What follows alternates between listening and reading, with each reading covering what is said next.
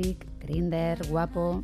El éxito de las aplicaciones para encontrar pareja o simplemente para ligar es incuestionable, tanto que hay quien ha visto su potencial para delinquir. En ellas se esconden en perfiles falsos o no del todo fiables también quienes buscan un match, pero nada tiene que ver con el amor. Es lo que cuenta el documental de Netflix basado en el modus operandi de Simone Levieux. Es el estafador de Tinder. You can find a bit of everything on Tinder, but one little swipe can change your life. When I first talked with Simon, immediately we had a bond. Simone Levieux crea un perfil que le muestra como el multimillonario, hijo del rey de los diamantes, enamora a mujeres y tras fingir estar en peligro, las arrastra a pedir préstamos millonarios. Seguían confiando en él hasta que llegaba la policía. That's when police tell me the man I loved was never real. Soy Miriam Duque, la encargada de abriros esta Gambara Negra, un podcast de crónica negra en el que hacemos que ciencia, especialistas y pruebas abren más que nosotros para recomponer la actualidad y tratar de entender la mente de quienes se escoran al lado oscuro.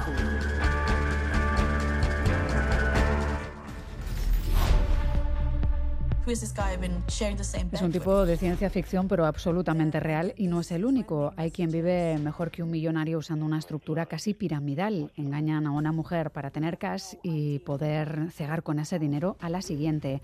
La frase me estoy quedando sin saldo y no voy a poder hablar con mi amor esta noche puede ser romántica, pero en realidad esconde o puede esconder a un estafador del amor, profesionales del engaño que dominan el arte de la parábola y cuyos trucos lingüísticos desenmascara la forense del lenguaje Seila Keralte en su libro Estafas amorosas. Y mucha atención porque el delito más frecuente en Internet en 2020 fue la estafa, con 257.907 casos en España y entre las más comunes se encuentran las amorosas. Son datos eh, policiales que cita y encontramos en el libro. Seila Keralte es doctora en ciencias del lenguaje y ejerce como perito judicial en lingüística forense. Es autora del libro Estafas amorosas, El Don Juan seduce, convence y manipula. Las estafas en general y las amorosas en particular han crecido, amparadas en el éxito de las webs y la vorágine de las redes sociales. ¿Cómo definirías tú a un estafador del amor en serie? Bien, pues un estafador del amor en serie es aquel que, bueno, utiliza, enamora ¿no? a sus víctimas y al final lo único que está haciendo es utilizarlas para su propio beneficio y de forma parasitaria, ¿no? En el libro distingues tres tipos de, de, delincuentes del amor, estafadores del amor en serie, love cam, artistas del ligue. ¿Los hay más y menos peligrosos? Exactamente. Por ejemplo, los artistas del ligue pueden ser desagradables, pero no tienen como objetivo estafar a sus víctimas, ¿no? Únicamente, bueno, únicamente, por decirlo de algún modo, eh, juegan, ¿no? A ver eh, qué trucos pueden mejorar para ligar, pero sin ánimo de lucrarse económicamente de estas, eh, de estas víctimas. Yo creo que el más cruel es los estafadores del amor en serie, puesto que van al plano físico, eh, trasladan esa relación sentimental que se puede iniciar a través de, de, las redes, pero que después incluso se van a vivir con ellas, ¿no? Y aquí empiezan ya técnicas de manipulación, no únicamente para estafarlas, sino después ya también eh, relacionadas con la violencia de género. Iremos eh, desglosando poco a poco las técnicas, pero ¿cuál es la más empleada? Porque en este libro analizas conversaciones, mensajes, el arte del lenguaje para alertar de cómo actúan, para que sepamos, por ejemplo, si estamos siendo objeto de un catfishing, ¿no? Por ejemplo, que es una de las técnicas. Sí, el catfishing es la primera técnica y una de las más importantes porque es aquella que le permite al agresor seleccionar eh, a su víctima eh, a través de todas aquellas cosas que va publicando en redes sociales, generalmente en formato abierto, ¿no? Pues, por ejemplo, que le gusta eh, de comer, dónde va a pasear, qué tipo de deporte practica, qué le gusta leer. Y todo esto lo utiliza para crear una identidad que sea lo más atractiva posible para la víctima a la que quiere estafar y que por lo tanto le permita ese match ¿no? directo y, lo que dicen muchas de las víctimas, que me pareció mi, media naranja, ¿no? Hmm. Y esto lo hacen a través de este estudio eh, del catfishing. Alberto Mondragón también nos acompaña, es consultor, coordinador en denuncioestafa.com, una plataforma a la que acuden personas que se sienten objeto de una estafa, que se sienten estafadas, eh, supongo que también a causa de este perfil de estafadores. Está también este perfil incluido, el de quien se siente estafada o estafado por, un estafador del amor o por una persona que se ha hecho pasar por quien no era. Sí, sí, sí, totalmente. O sea... Y es difícil para ella salir públicamente a decir que dejaron dinero a quienes creían que eran sus parejas y al final no había ni, pareja ni, ni dinero. Es muy, es muy difícil porque porque, claro, la gente pasa vergüenza en, contar pues que alguien se ha aprovechado de ellas, que se han enamorado de una persona y que realmente, como dice la compañera, era, se dan cuenta que es parte, al fin y al cabo, de, un negocio. Aparte, es que se quedan, se quedan destrozadas eh, las víctimas por, por estafas sentimentales. Sí, tienen miedo, entiendo, a ser juzgadas públicamente también. Además de eso, date cuenta que han jugado con sus sentimientos y con su dinero. Mm. Entonces el golpe es, doble, es, mayor. Seila, no se trata de, que alguien pida dinero directamente ¿no? y ya estaría. Entiendo que crean una narrativa para que a ti no te extrañe la petición. Nos van hablando de una familia, de un trabajo que no va muy bien, de ese coche que no para de dar averías. Eh, no sé si podemos poner algún ejemplo como pones en el libro, de, cómo se va creando esa tela de araña para que parezca normal, ¿no? Que en ese momento necesite tu ayuda. Exactamente, aquí viene y sobre todo la respuesta de cómo se lo han podido creer, ¿no? Que es lo que muchos de la, muchas personas en la sociedad es lo que se preguntan, ¿no? ¿Cómo pudieron ser tan ingenuas? No fueron ingenuas, son semanas, meses, algunos incluso años en los que este, esta persona ha tejido esa tela de araña a través de pequeñas cuartaditas, pequeñas solicitudes que lo que hacen es desactivar las alarmas de la víctima, ¿no? Por ejemplo, si yo sé que mm, eh, quiero empezar ya a pedir algunas cantidades de dinero, ¿no? Pues lo que hago, por ejemplo, es decir que tengo una entrevista de trabajo muy, muy, muy importante, que es el trabajo de mi vida, pero ya voy diciendo unas semanas antes, aparte de que es el trabajo de mi vida y es súper importante, que el coche, por ejemplo, no me funciona muy bien, ¿no? Hoy me ha dado problemillas, hmm. em, a ver si tengo dinero para sacarlo, soy mal de dinero y no lo puedo arreglar, pero bueno, y entonces llega el día de la supuesta entrevista y ese día justamente, unos minutos antes, se avería el coche, ¿no? Y entonces, claro, está en una situación de necesidad urgente y su pareja, obviamente, pues tiene la necesidad de, de quererlo ayudar, ¿no? y muchas veces pues allí empiezan los límites de esas estafas, ¿no? De esas... Me imagino, eh, Celia, que son además eh, necesidades eh, que urgen en el tiempo también, ¿no? Que necesitan que se tome una decisión muy rápido y no te da tiempo a reflexionar ni a que nadie te dé un consejo en contra ¿no? de, esta idea. Exactamente. Además también dentro de estas técnicas hay la técnica del control coercitivo, es decir, lo que hacen también, igual que hacen las, en casos de violencia de género, es aislar a la víctima, ¿no? y lo aíslan justamente para que no tengan este pilar ¿no? externo en el que preguntar, reflexionar sobre si es una solicitud esperable, normal, habitual o nos tiene que causar alerta. ¿no? Esto es una de las cuestiones que también utilizan, el aislamiento. En muchos casos puede ser porque él lo pida, pero obviamente no explícitamente, sino, ay, no se lo vayas a contar a nadie porque es que me da una vergüenza, voy a parecer súper tonto, ¿no? Y la víctima pues respeta ese secretismo o incluso la propia víctima cuando ya empieza a sospechar no lo quiere compartir por miedo a ser juzgada por, los demás, ¿no? La vergüenza a ese juicio social. Efectivamente, eso es, lo has descrito muy bien. Van buscando muchas veces ese perfil interesante, suelen buscar mujeres que están a falta de cariño, a falta de atención, y se valen de eso. Y luego todos son problemas. Eh, tengo una reunión, me he quedado, me han bloqueado la tarjeta, estoy en un país eh, de los últimos así más más eh, graciosos que graciosos dentro de, del drama, del drama es eh, de alguien que se hacía pasar por un escolta de los pesqueros que iban a África a pescar y que siempre pues se había bloqueado la tarjeta o tenía problemas o y claro eh, como buscan perfiles que están normalmente en bajo estima y como he dicho necesitan atención si son vulnerables pues se quedan muy enganchados, muy colgados de ellos. Y estos siempre van buscando problemas que les ha surgido para que la, víctima vaya soltando el dinero, poco a poco, poco a poco. Y cuando ya la tienen bien sujetas, cuando ya piden cantidades mayores. ¿eh? Aquí, por ejemplo, eh, eh, bueno, aquí en el País Vasco tenemos varios estafadores sentimentales. Algunos de ellos cumplen condena. Hay otro ahora mismo que se está pidiendo 12, 12 años de, prisión. de hecho, se juzgará pronto en la Audiencia Provincial de San Sebastián. Y, el modus operandi mm, ha sido eso, ha sido crear eh, una fantasía a su, a su víctima y poco a poco, y no una, han sido varias, aquí en el País Vasco eh, han sido tres que yo conozca de esta persona que estamos hablando. Y, bueno, ha ido eso, ha ido generando esa confianza, pero siempre con problemas, siempre eh, como que todos van contra mí, que pero yo te quiero, eh, yo, yo estoy ahí para, para ti, para lo que te haga falta, y poco a poco se ha ido sacando el dinero. Una de las personas con las cuales estoy en contacto este asunto eh, le llegó a soltar 70.000 euros. Pero, euros. pero conozco a otra chica de este mismo personaje, ah, vamos a hablar que es una persona adinerada, le ha soltado más de 500.000 euros. O sea, fíjate el, grado de, convencimiento y de, enganche que puedan tener las víctimas hacia personas de estas características. Además, y debo puntualizar, eh, sí que es cierto que hay varios tipos de estafadores sentimentales, pero los más, los más peligrosos, los más despiadados, son los psicópatas. Los psicópatas estafadores, eh, estafadores sentimentales.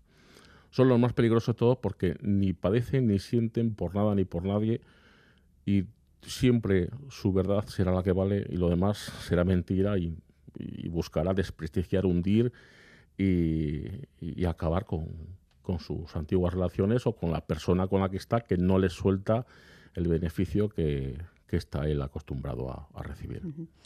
En este libro, Seila, analizas a cuatro hombres, dos vascos, un catalán y un gallego. ¿Los cuatro tienen condenas por estafas de este tipo? No, no todos ellos tienen condenas por este tipo. Em, hay tres que sí, dos en prisión, uno está pendiente y otro que está únicamente con denuncias, aunque sí que está condenado por malos tratos. Y eh, supongo que alguno cumple prisión en la actualidad.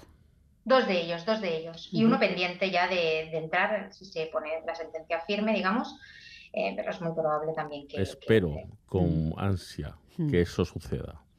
¿Los cuatro tienen eh, un modus operandi similar o muchos puntos en común en su forma de actuar?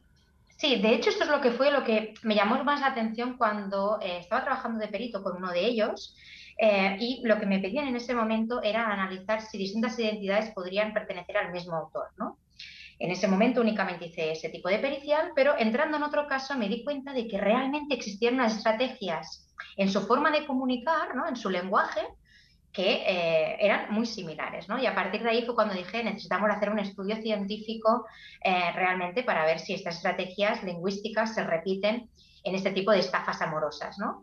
Y en el libro, como podréis ver, eh, hay muchísimas citas científicas, de, no únicamente españolas, sino internacionales, y en este sentido no es una técnica únicamente española, ¿no? Del, hablar español.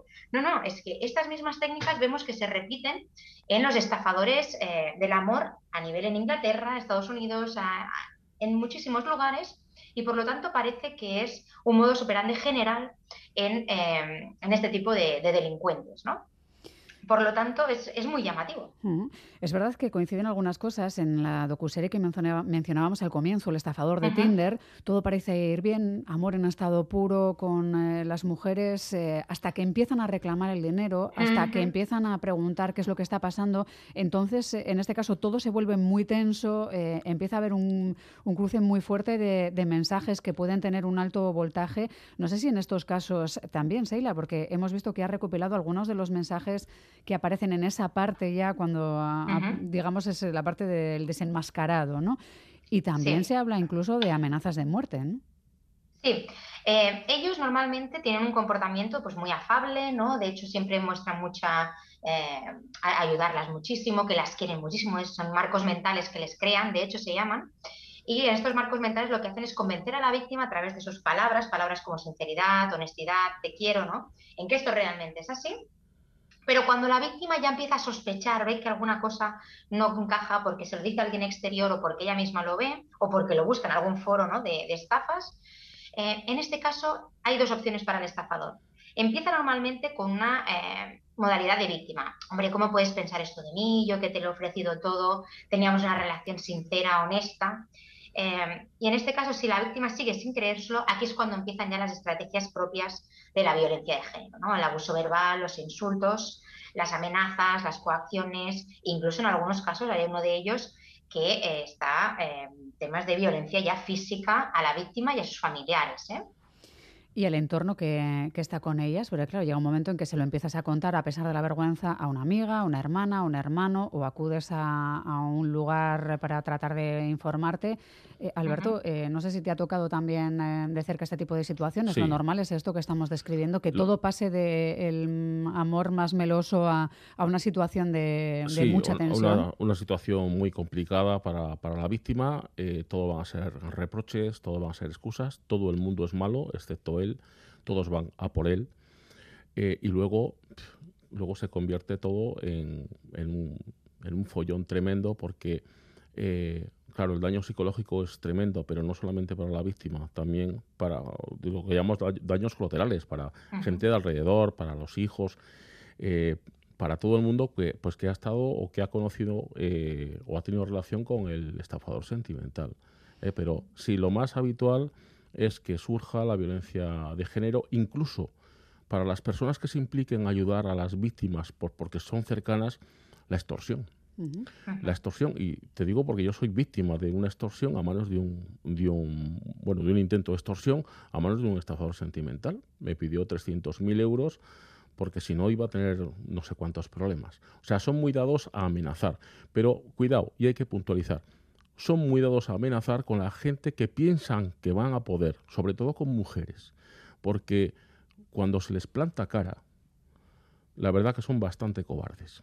Y eso tiene que tener la gente muy presente, que no se tienen que dejar amedrentar por alguien que les eh, anuncia o que les amenaza una agresión o, el poder sufrir daños, sino que no es enfrentarse, pero el que si nos dejamos, el otro se, va, se, va, a agradecer. Sí, sí, por supuesto hay que pedir ayuda siempre, siempre.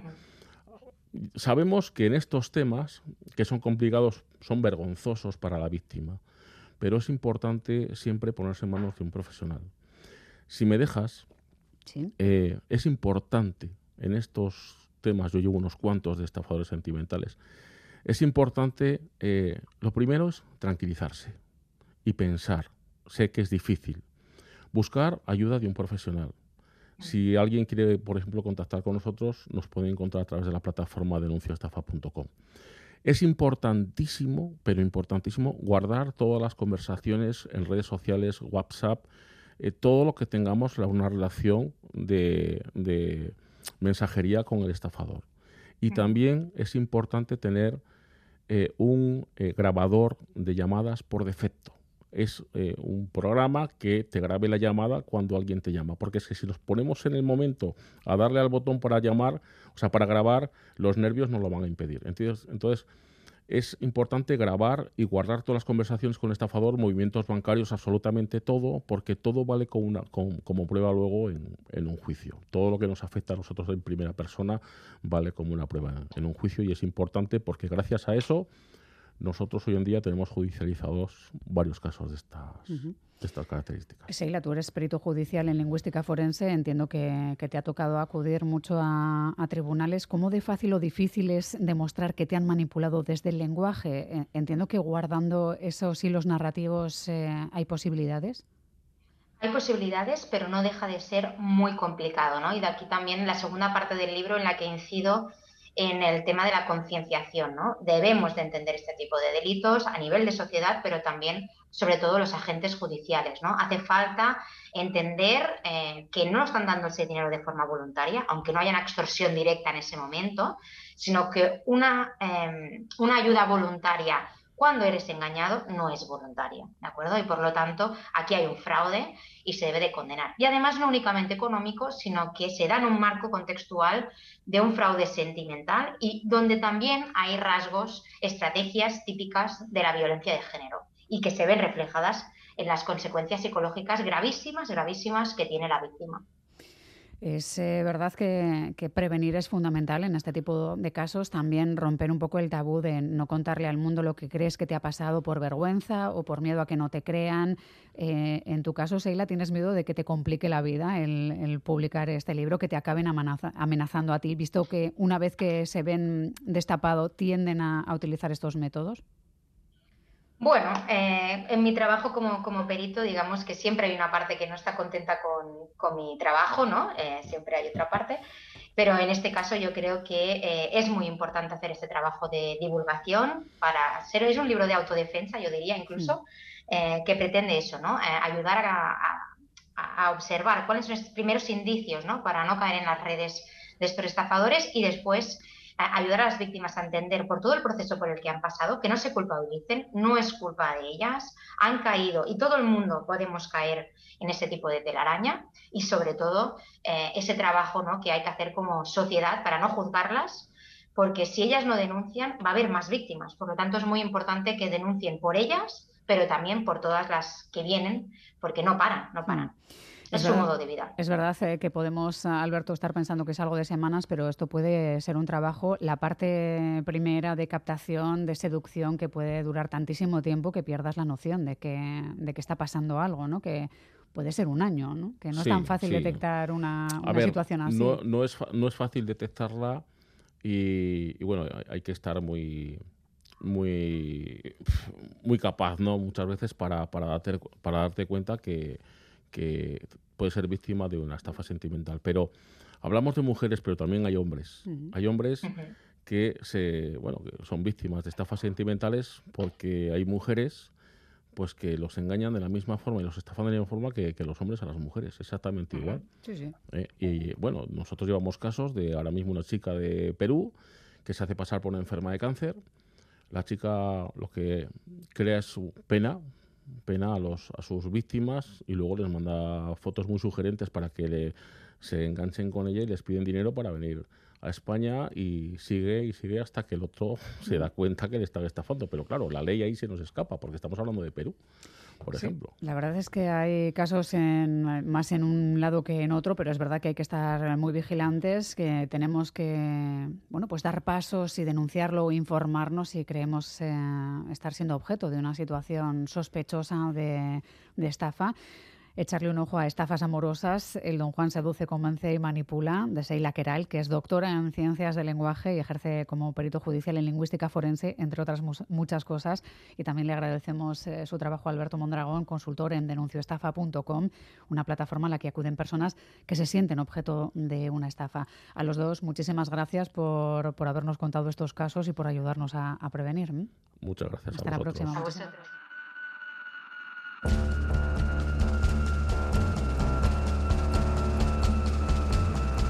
Gambara Negra, el podcast de crónica negra e investigación de EITB Podcast.